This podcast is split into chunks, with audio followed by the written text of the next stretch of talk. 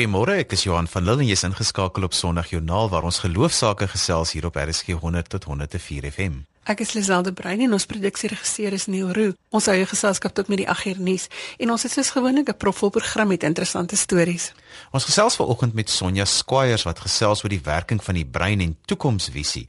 Dr. Janie Leroux gesels oor tydskeuses en Dominee Edouard Nodee vertel hoe hulle die kerk inspann om die gemeenskap te bevoordeel en Dr. Johnny Elion gesels oor die welstand van gesinne in sy omgewing en laastens gesels ons met Rickert Botha oor RSG se nuutste uitgawe van die sielsgedagtes wat nou op die winkelrakke is. Jy hoef natuurlik niks mis te loop nie, want jy kan Sondagjoernale se potgooi gaan luister op RSG se webwerf by rsg.co.za. Verlede week het Sonja Lawrence Potgieter uit Brisbane laat weet dat dit Sondagmiddag is daar by hulle en dat sy vir die eerste keer op Sondagjoernaal ingeskakel is. Dankie Sonja en ons hoop jy luister vanoggend weer lekker saam.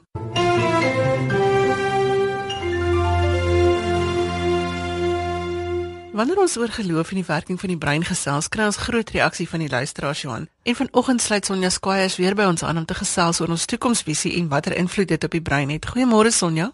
Goeiemôre Lisel. Kom ons val sommer dadelik weg met die vraag: Hoe werk toekomsvisie in die brein?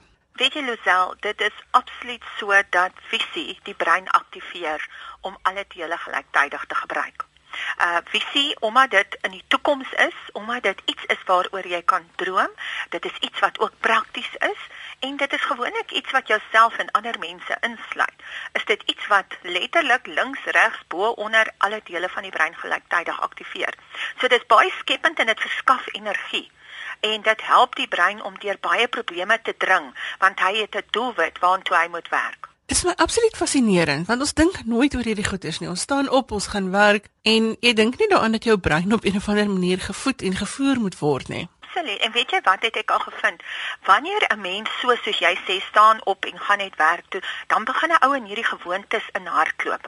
En weet jy, dan uh, is jou brein se stimulasievlakke baie laag, want hy hardloop op al die ou paadjies. En ons sê baie keer hy check uit, dan begin hy homself besig hou met baie ander dinge om homself te stimuleer en jy vind jou gedagtes dwaal die hele tyd, want daar is nie genoeg toekomsvisie nie. Daar's nie genoeg stimulasie na 'n fokus iewers in die toekoms nie. Kan 'n mens se gevoelens, kom ons sê byvoorbeeld seer kry, 'n invloed hê op ons vermoë om 'n lewegewende visie te vorm? Absoluut. Weet jy, uh, dit kan jou so absorbeer dat jy uh, nie ander kant dit kan kyk nie omdat dit uh, jy weet gewoonlik al ons gevoelens is chemikalieë wat ook afgeskei word. Veral kortisol wat stres veroorsaak en so aan.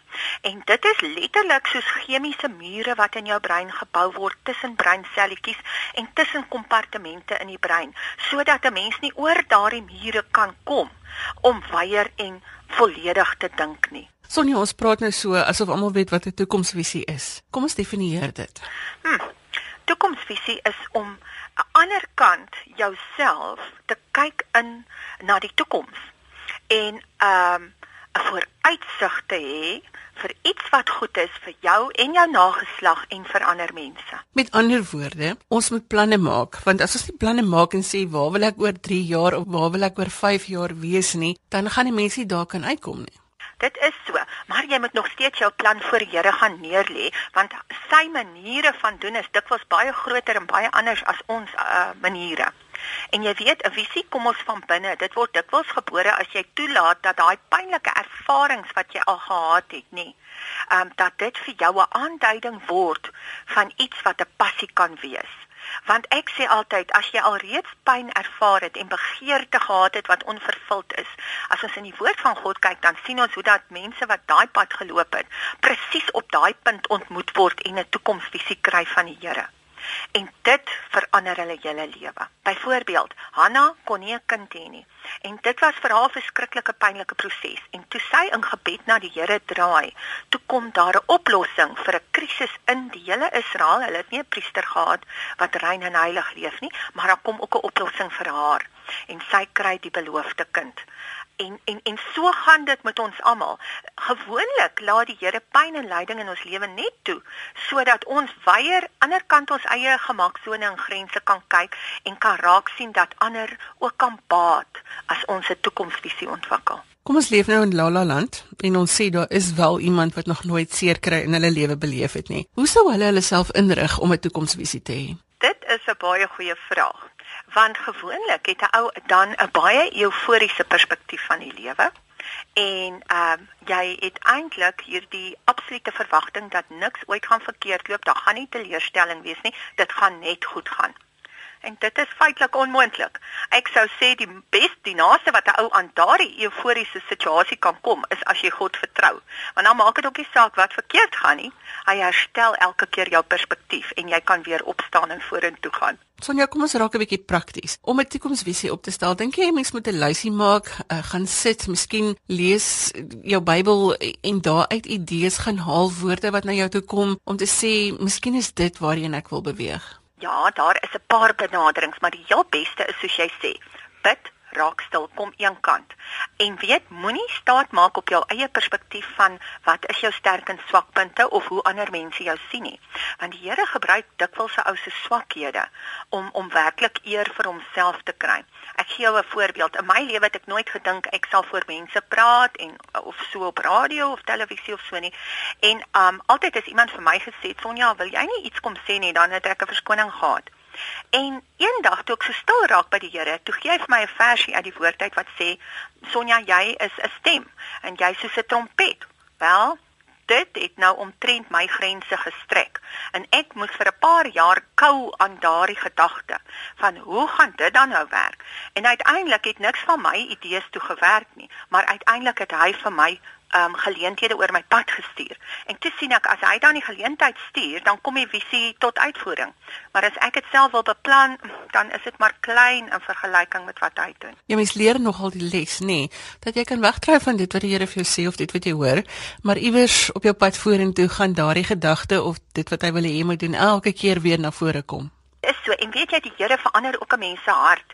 En hy vat jou ander kant jou eie behoeftes en dan kom jy in hierdie uh, lewe neerleggende liefdesplek waar jy sê weet jy dit maak nie meer saak hoe ander mense my sien nie en of ek nou 'n uh, uh, jy weet myself belaglik maak nie. Wat belangrik is is dat ons iemand se behoeftes kan aanspreek met hierdie um, visie of met hierdie plan of met hierdie aksie. En dan kom daai vreugde na vore want jy leef aanderkant jouself Ek het gesels met Sonja Squires wat spesialiseer in die werking van die brein. Sy is 'n gemeenskapsbouer wanneer dit kom by geloof en ander vaardighede.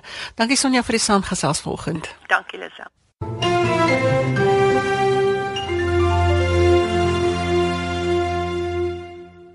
As jy sopas ingeskakel het, sê ons goeiemôre. Dis Sondag Joernaal saam met Johan en Lazel.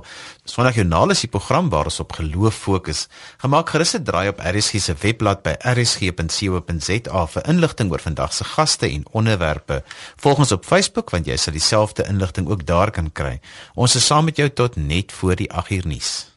Ons hoor gereeld mense sê dis net 'n kwessie van tyd. En vanoggend kuier Dr. Janie Leroux van Gordons Bay by ons om te gesels oor die belangrikheid van tydsbestuur en die dilemma van selfverwaarlosing. Môre Janie. Hallo. Janie, ons almal doen dit. Ons dae is volgepak met goed en dinge en ons vergeet om na onsself om te sien. Weet jy, dit is nogal eie aan ons almal want ehm um, ek dink ons lei in verskillende goede. Die een ding is wat die ouens verduidelike Engels as 'n impact bias. Met ander woorde, op 'n manier dink ons altyd dat iets in die toekoms erger gaan wees as wat dit is, maar die omgekeerde is waar. Ons dink ons gaan eintlik beter doen as ons dit doen. En daarom ehm um, werk ons met hierdie impak ehm um, vooroordeel as dit waar om te sê, weet jy, as ek hierdie ding nou net nog gaan bydoen, dan gaan my lewe beter wees. Maar nou is dit nie net een ding waarby ons stop nie. Uh begeertes groei in 'n mens. So met ander woorde, jy begin weer daai selfde vooroordeel daarop inspel. En nou dink jy byvoorbeeld, uh, ons vind dieselfde byvoorbeeld met mense wat lotto speel. Jy speel hierdie week een kaartjie want jy dink jy gaan dit kry en jy sien wat iemand anders kry en nou dink jy dit gaan beter vir jou werk. So volgende week speel jy twee kaartjies, die week daarna drie kaartjies op die ount het jy 'n hele spiraal van selfverwagting verwaarlosing op verskillende gebiede. En dit gebeur met ons tyd, dit gebeur met ons uh, verhoudings, dit gebeur eintlik oral in ons lewe. Janie, wanneer mense 'n lottekaartjie koop, dan is daar 'n sekere verwagting wat by jou geskep word, maar ek verstaan nie wat dit is wat jou laat dink dat jy daardie stapel van dinge wat teen jou kan werk, dat jy dit nou nie gaan kry nie, dat jy tog maar die ding gaan koop. Weet jy, ek het 'n vermoede dit maar werk soos die motivering wat eintlik ekstrinsiek is. Met ander woorde wat nou gebeur in die proses is jy dink dit wat van buite met jou gebeur gaan jou self gelukkig maak. En in 'n sekere sin is amper soos daai wortel en stok analogie wat die mense gebruik. So jy sien die wortel daar hang, maar die ironie van die saak is dit bly buite bereik, maar nou lek dit net genoeg om te sien sommige mense slaag. En iets in jouself wil nie uitwees by die kudde nie, daai kudde instink van ons almal om soos die ander ook te wil wees wanneer dit ons pas natuurlik. Ehm um, dan wil ek ook daarvan hê en ek wil wil ook meer hê en nou begin jy drome rondom dit doen. Met ander woorde, dit eskaleer na behoeftes en verwagtinge en begeertes wat jy nie lekker in beheer kan hou nie. Want ons brein soek altyd na beter. Nou die ding wat ons ook van ons brein moet verstaan, ons brein vind altyd 'n rede vir iets. So as jy net dink oor lotto, dan dink jy aan redes. En wat doen die ouens? Hulle sit klinkende liggies, al daai goed wat jou laat aandag gee, sit hulle daarby en ons brein wil altyd voltooiing soek. Met ander woorde, daar's 'n getal in die ding in. As daar nie getalle in was nie, was daar nie 'n voltooiing van ietsie. So nou vul jy nommers in en jy glo jou nommer gaan die die series voltooi. En op so as 'n hele klomp sielkundige goed en breinformuleringe in 'n sekere sin wat met ons gebeur wanneer ons lotto speel. Maar ek dink die grootste ding is dat mense wil graag hulle droom nastreef en hierdie lyk na 'n lekker kort pad om 'n droom na te streef. Ons gesels heel wat oor die werking van die brein en die invloed daarvan op jou lewe. Dink jy gebrek aan fokus maak dit ons onsself verwaarloos. Baie beslis. Fokus beteken dat ons sê hierdie ding is belangrik. Maar in ons westerse era waar ons geweldig gestimuleer word met media en al dies meer vir bepaalde behoeftes wat aandag verg vir ons tyd, word die indruk geskep dat jy kan nie net op een ding fokus jy moet 'n klomp goed. Nou 'n klomp goed fokus, maar wat ons moet verstaan is ons brein is eintlik so gemaak, ons kan net op een ding fokus. So met ander woorde, al wat gebeur by mense wat op meer fokus, hulle spring tussen die goed vinniger. Hulle aandagspan verdwyn en selfs die navorsing wys vir ons dit vat vir mense heelwat tyd om eintlik gefokus te raak. Maar wanneer jy gefokus is, dan raak jy soort van in the zone soos mense sê. En dan gebeur goed natuurliker, jou kreatiwiteit kom lekker reg. Jy hou langer aan, jy het baie meer bevrediging en dit het als net te maak met fokus.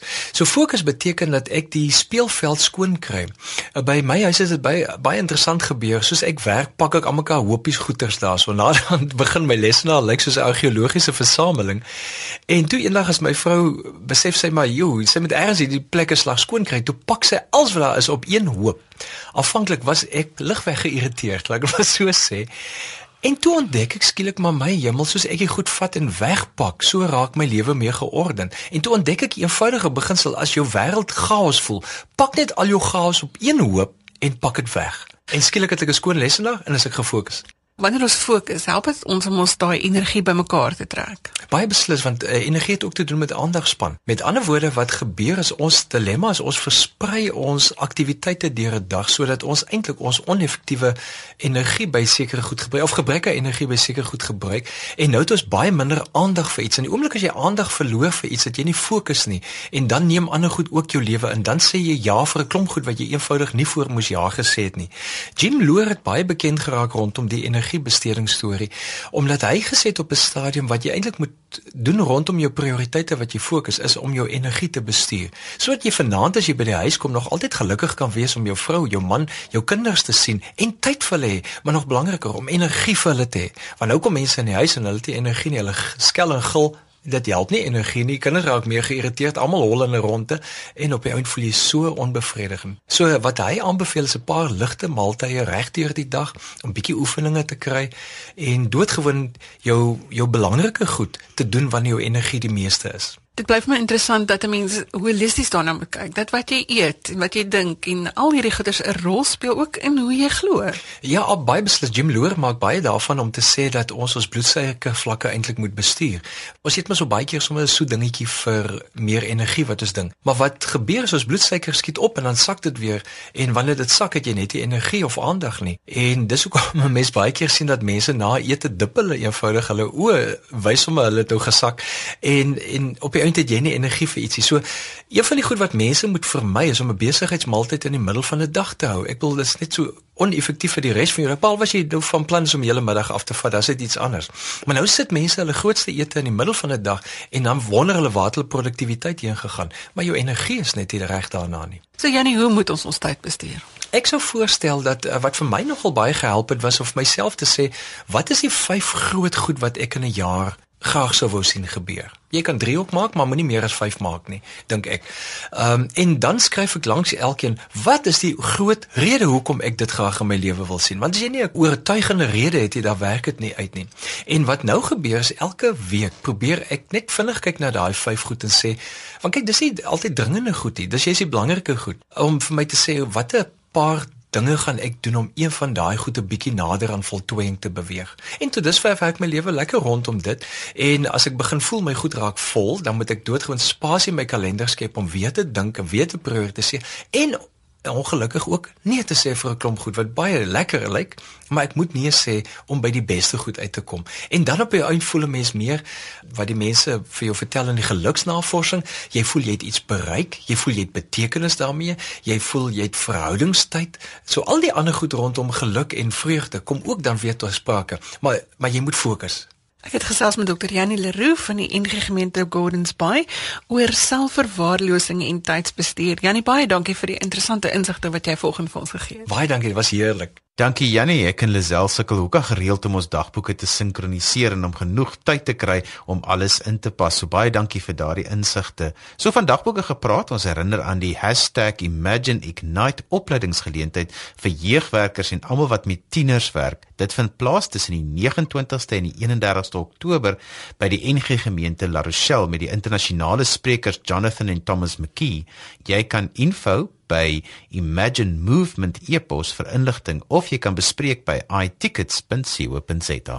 Gilma Sander is volgende in die beurt en sy gesels met Dr. Johnny E. Lyon. In ons samelewing is daar baie uitdagings en is dit 'n riem onder die hart vir my om te sien hoe gemeenskappe ook saam staan teen geweld en dwelms, nie net om die jong mense nie, maar ook hulle ouer mense in die gemeenskap te beskerm om sodoende 'n beter en veiliger omgewing te skep. Maar daar is egter groot uitdagings wat daarmee gepaard gaan. Ek verwelkom Dr. Johnny Elion, 'n pastorale en 'n sielkundige beraader hier by ons vandag. Baie welkom en dankie vir u tyd vandag. Baie dankie. Nou wat is die grootste uitdagings wat ons gemeenskappe en ook ons ouer mense in die oë staar? Ja, maar die grootste uitdaging waarmee ons uh deesdae sit is ehm um, eerstens uh ek dink die rondom die ekonomiese uitdagings omdat goed die al duurder word en die inkomste wat die mense genereer word nie meer nie. Behalwe dit het ons baie dwelm misbruik in die gemeenskappe dwelm misbruik en daarmee gaan gepaard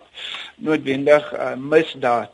Watter rol speel geloof in hierdie hele gemeenskapsopset? Ons kan nie in hierdie samelewing wat ons het, kan ons nie sonder geloof enigstens ander kant uitkom nie.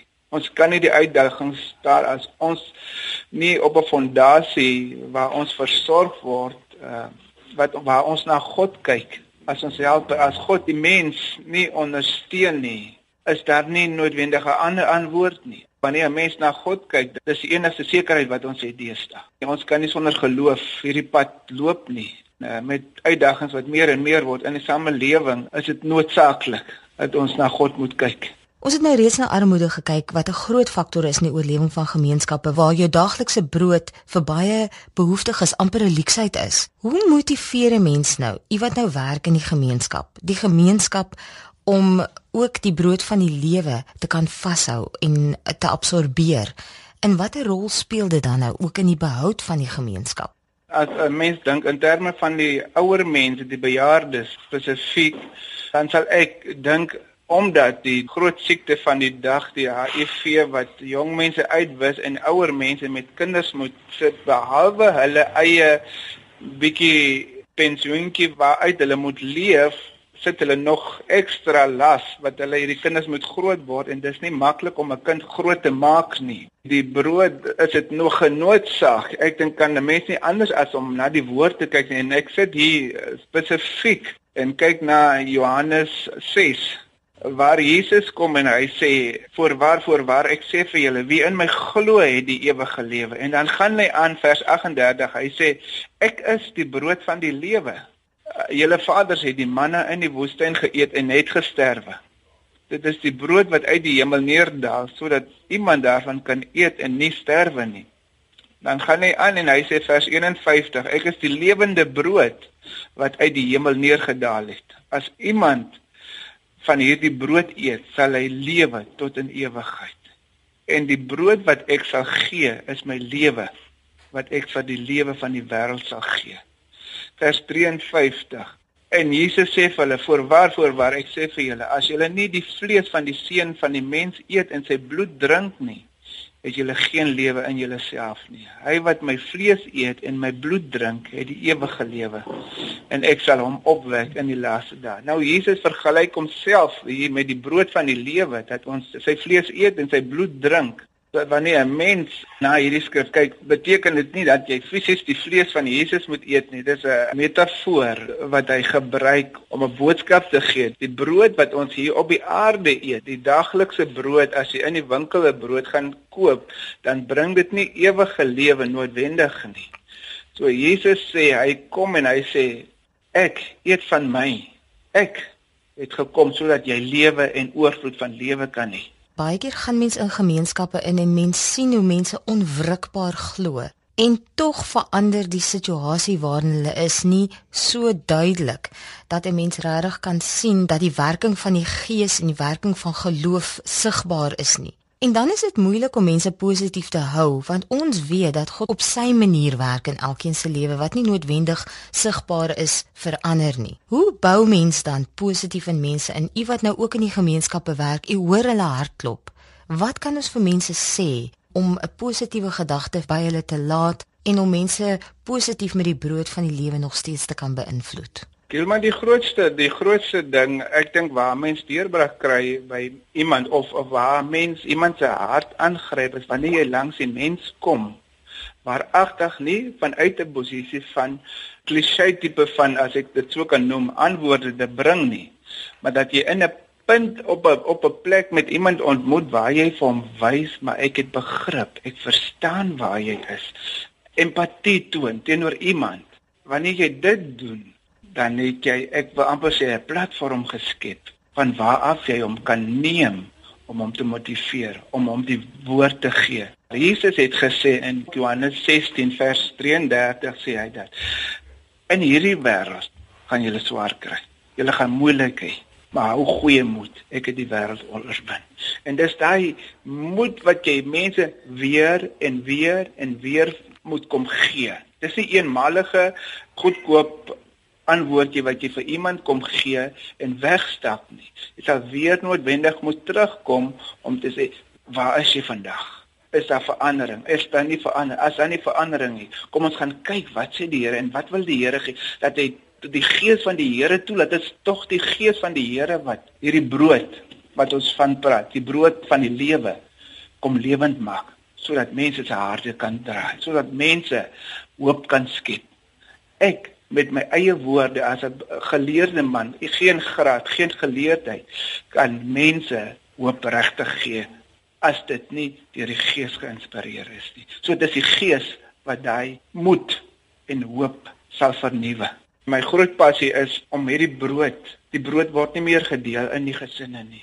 En die rede hoekom ons gemeenskappe uitmekaar uitval en sit waar ons sit is as gevolg van die bousteen van die gemeenskap wat nie meer daar is nie. Is die gesin wat nie meer daar is nie. Kom ons bring die gesinne terug waar hulle rondom die tafel weer sit en die brood daagliks deel. Bye bye, dankie vir u tyd vandag. Mag die Here ook vir julle as gesin seën. En ek weet daar is groot werk nog Dr. Johnny Elion, pastorale en sielkundige berade. Dankie vir u tyd. 'n Heerlike dag. Totsiens. Baie dankie.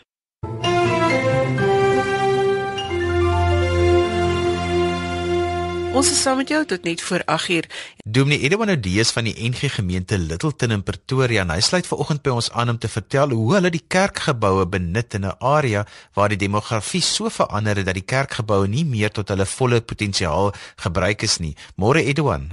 Goeiemôre. Edwin, hoe het die gemeenskap in Littleton verander oor die jare? Johan, uh, Littleton is die moedergemeente wat al so ongeveer 70 jaar gelede gestig is in 1944. En vanuit hierdie gemeente is daar om en by sewe ander gemeentes oor die jare afgestig. Met ander woorde, die moeder het alleen agtergebly. Die demografie het geweldig verander en uh soveel so dat ons 5 aftreeoorde het en 40 kinders in die gemeente en dit is in kort die profiel van ons gemeente. Uh ons is 'n uh, ouer huis sonder 'n dak. maar as ek dit sê, moet ek dit onmiddellik by sê. Dis kosbare mense wat ons hierso het. En nou het julle die 'n gedeelte van die kerk in 'n skool omskep. Ja. Ons het uh 1983 het die kerkraad kategese lokale gebou omdat ons deestyds so uit ons nate uitgebars het dat ons nie meer die skool kon gebruik sonder vir kategese nie te bou ons 'n baie groot kategese sentrum. En uh, maar met die verandering oor die jare sedert 83 na nou toe dis 'n lang end het ons toe opgeëindig met 40 kinders vanaf graad uh, eh, 1 tot en met uh, standaard 9 of graad 11.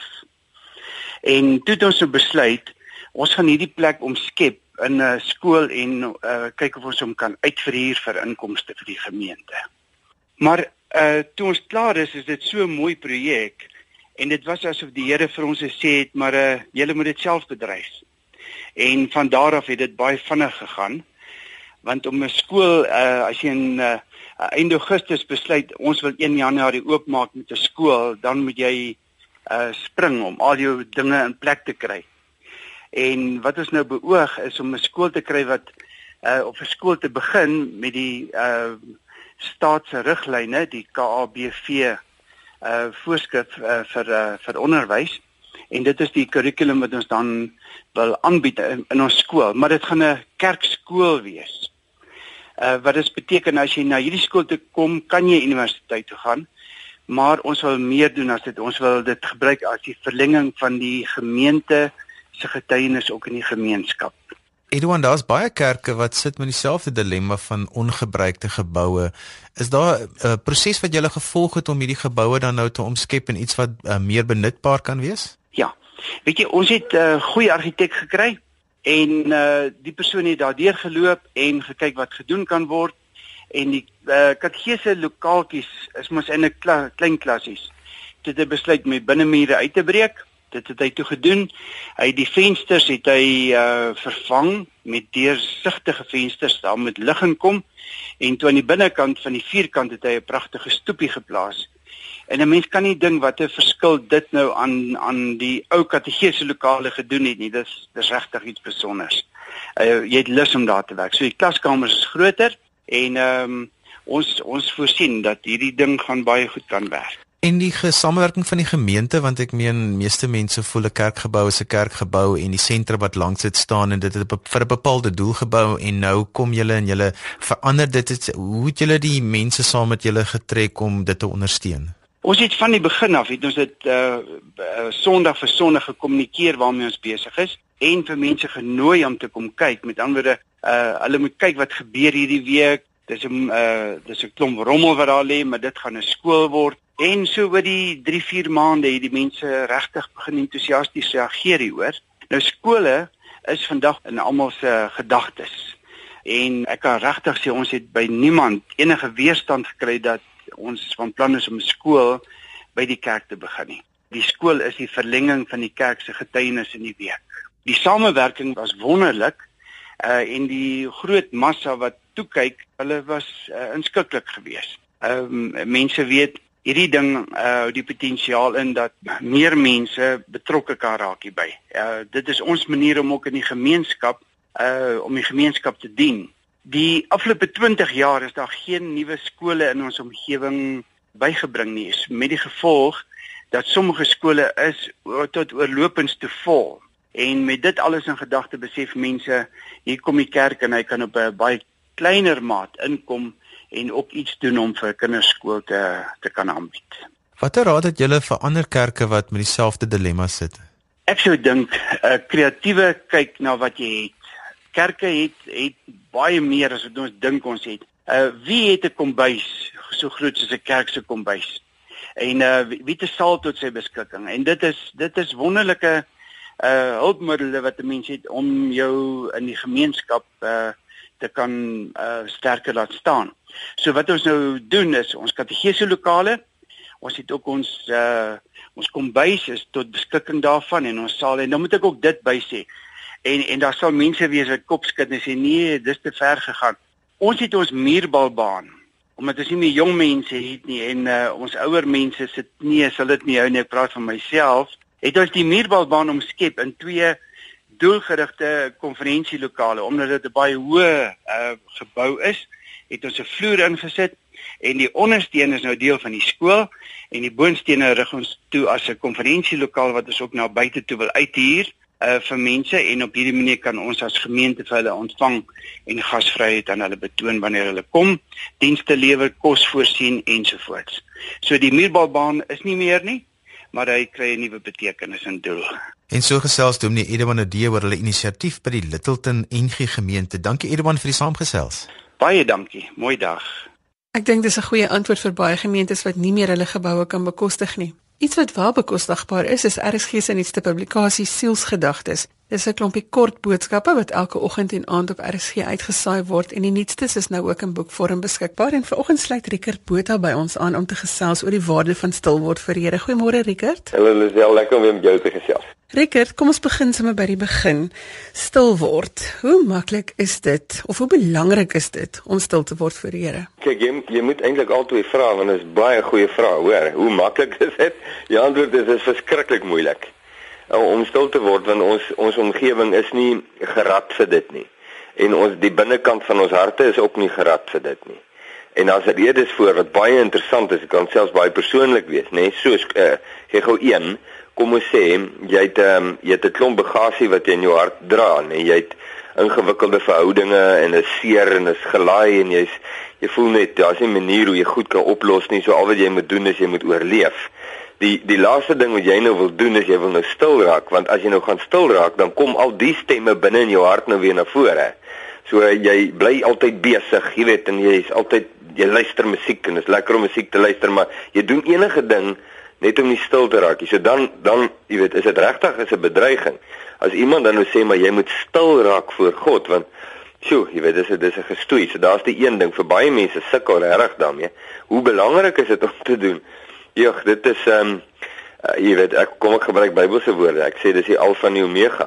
Jy weet dit is ehm um, dit is so krities vir my siel want uh, om geanker te word in God want uh, want hierdie wêreld is so groot, hy's so gebroken en dit is baie maklik vir my om te verdwaal en te verdrink my siel ek kan my vreeslik braaf hou jy weet uh, voorgee ek is baie sterk en ek is ehm um, jy weet deurleef of ek is geestelik of wat ook al ehm um, maar as my siel nie geanker is in God nie en uh, enigiets anders dan gaan ek probleme optel maar as dit nie geanker is in God nie dan dan is ek wankelbaar en wankelrig so vir my om stil te kan raak is is daai moment dis die aksie om te anker by God So vir baie mense is dit die kom ons noem dit die catch 22.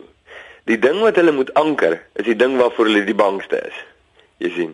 En ek dink om weet oor sulke goed te praat, miskien uh, is is baie belangrik om om boeke uit te gee wat hierdie onderwerpe onder andere raak aanraak is is net krities. Is belangrik vir ons, jy weet. Rickert, hierdie dagstukkies wat uitgesaai word op RSG is kort, is omtrent so 4 minute lank, is net 'n gedagte om jou deur die dag te dra. Hoe belangrik is dit of is daar 'n tyd wat gekoppel kan word aan hoe lank jou stilte tyd moet wees?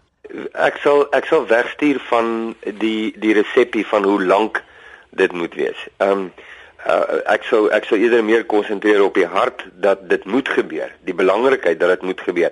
Ek, ek dink iets om maklik te verstaan is Uh ek en my vrou het byvoorbeeld um jare terug met die raad van 'n baie wyse man het ons begin om mekaar te date. Nou daar's nie 'n beter manier om dit te sê nie. Dis wat ons doen. Ons date mekaar soos toe ons nou nog nie getroud was nie. So eenmal 'n week het ons 'n baie spesifieke tyd en dan sit ons by mekaar en die rede is ons wil ons harte by mekaar sit en ons kan maklik verby mekaar leef. Nou dieselfde beginsel geld hier in my verhouding met God, nê. Nee, ek het nodig om my hart by hom te sit en sy hart te hoor. Daar's nie 'n resep vir 'n tydsduur nie. Maar as ek dit nou net oorslaan. Kom ek gaan terug na die voorbeeld my vrou. As ek nou, jy weet, ek dis mos nou my vrou man, ons is al 25 jaar getroud en ons ken mekaar. Dan dit mos nou, dis mos nou niks om oor te slaan nie. Doen dit nou net. En dan raak jy in die gewoonte van oorslaan en kom jy agter jy mis mekaar se harte. Nou met God werk dit presies dieselfde. Die ehm um, die die die date, nee, die afspraak, die stilte tyd is nie 'n wet nie. Dis nie iets van jy thou shalt have quiet time nie. Jy weet dit is 'n dis 'n hartsding, dis 'n intieme ding. Dis iets wat ek ehm um, besef ek moet doen vir die verhouding om te groei, veral aan my kant. want daar's 110 stemme wat na my toe skree, maar ek het nodig om te kan onderskei wat is God se stem. En daarvoor het ek nodig om met hom tyd te maak, net soos wat ek met my vrou moet tyd maak of met my kinders moet tyd maak. En dis die dis die belangrike ding daarvan. Ek wil miskien net 'n laaste gedagte vir jou daar sê as ek kan. Weet jy hoe het ek al agtergekom ek kan stilte tyd nou hou so in aanhalingstekens. Jy weet jy jy kom nou die letter na. Ja sonder sonder die hart dat ek aan die einde van my stilte tyd glad nie met God kontak gemaak het nie. Glad nie my hart voor hom oopgemaak het nie. En nie sy hart gehoor het nie. Ek het net so deur die handelinge gegaan. Jy weet jy lees jou stukkie, jy bid jou gebedjie en en dan sê nou voel jy beter en dan gaan jy. Dat jy die hart heeltemal gemis en uh, as jy dit uh, weet kan vat na jou wêreldse verhoudinge, jou aardse verhoudinge met met mense dan is dan dan is die parallel baie maklik om te in te sien. Ek het gesels met Dominee Rickert Botha. Kom ons gebruik sommer daardie boodskap dan ook as ons inspirasie om hierdie week in te gaan.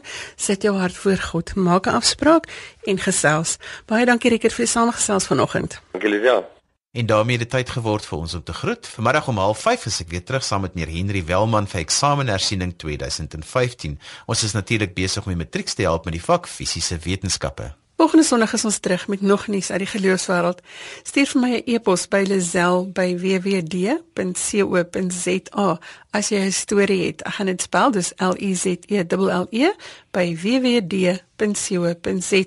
Of jy kan ook vir ons 'n boodskap stuur deur die webwerf by rsg.co.za. Tot volgende week groet ek namens produksieregisseur Neil Roo agter die kontroles.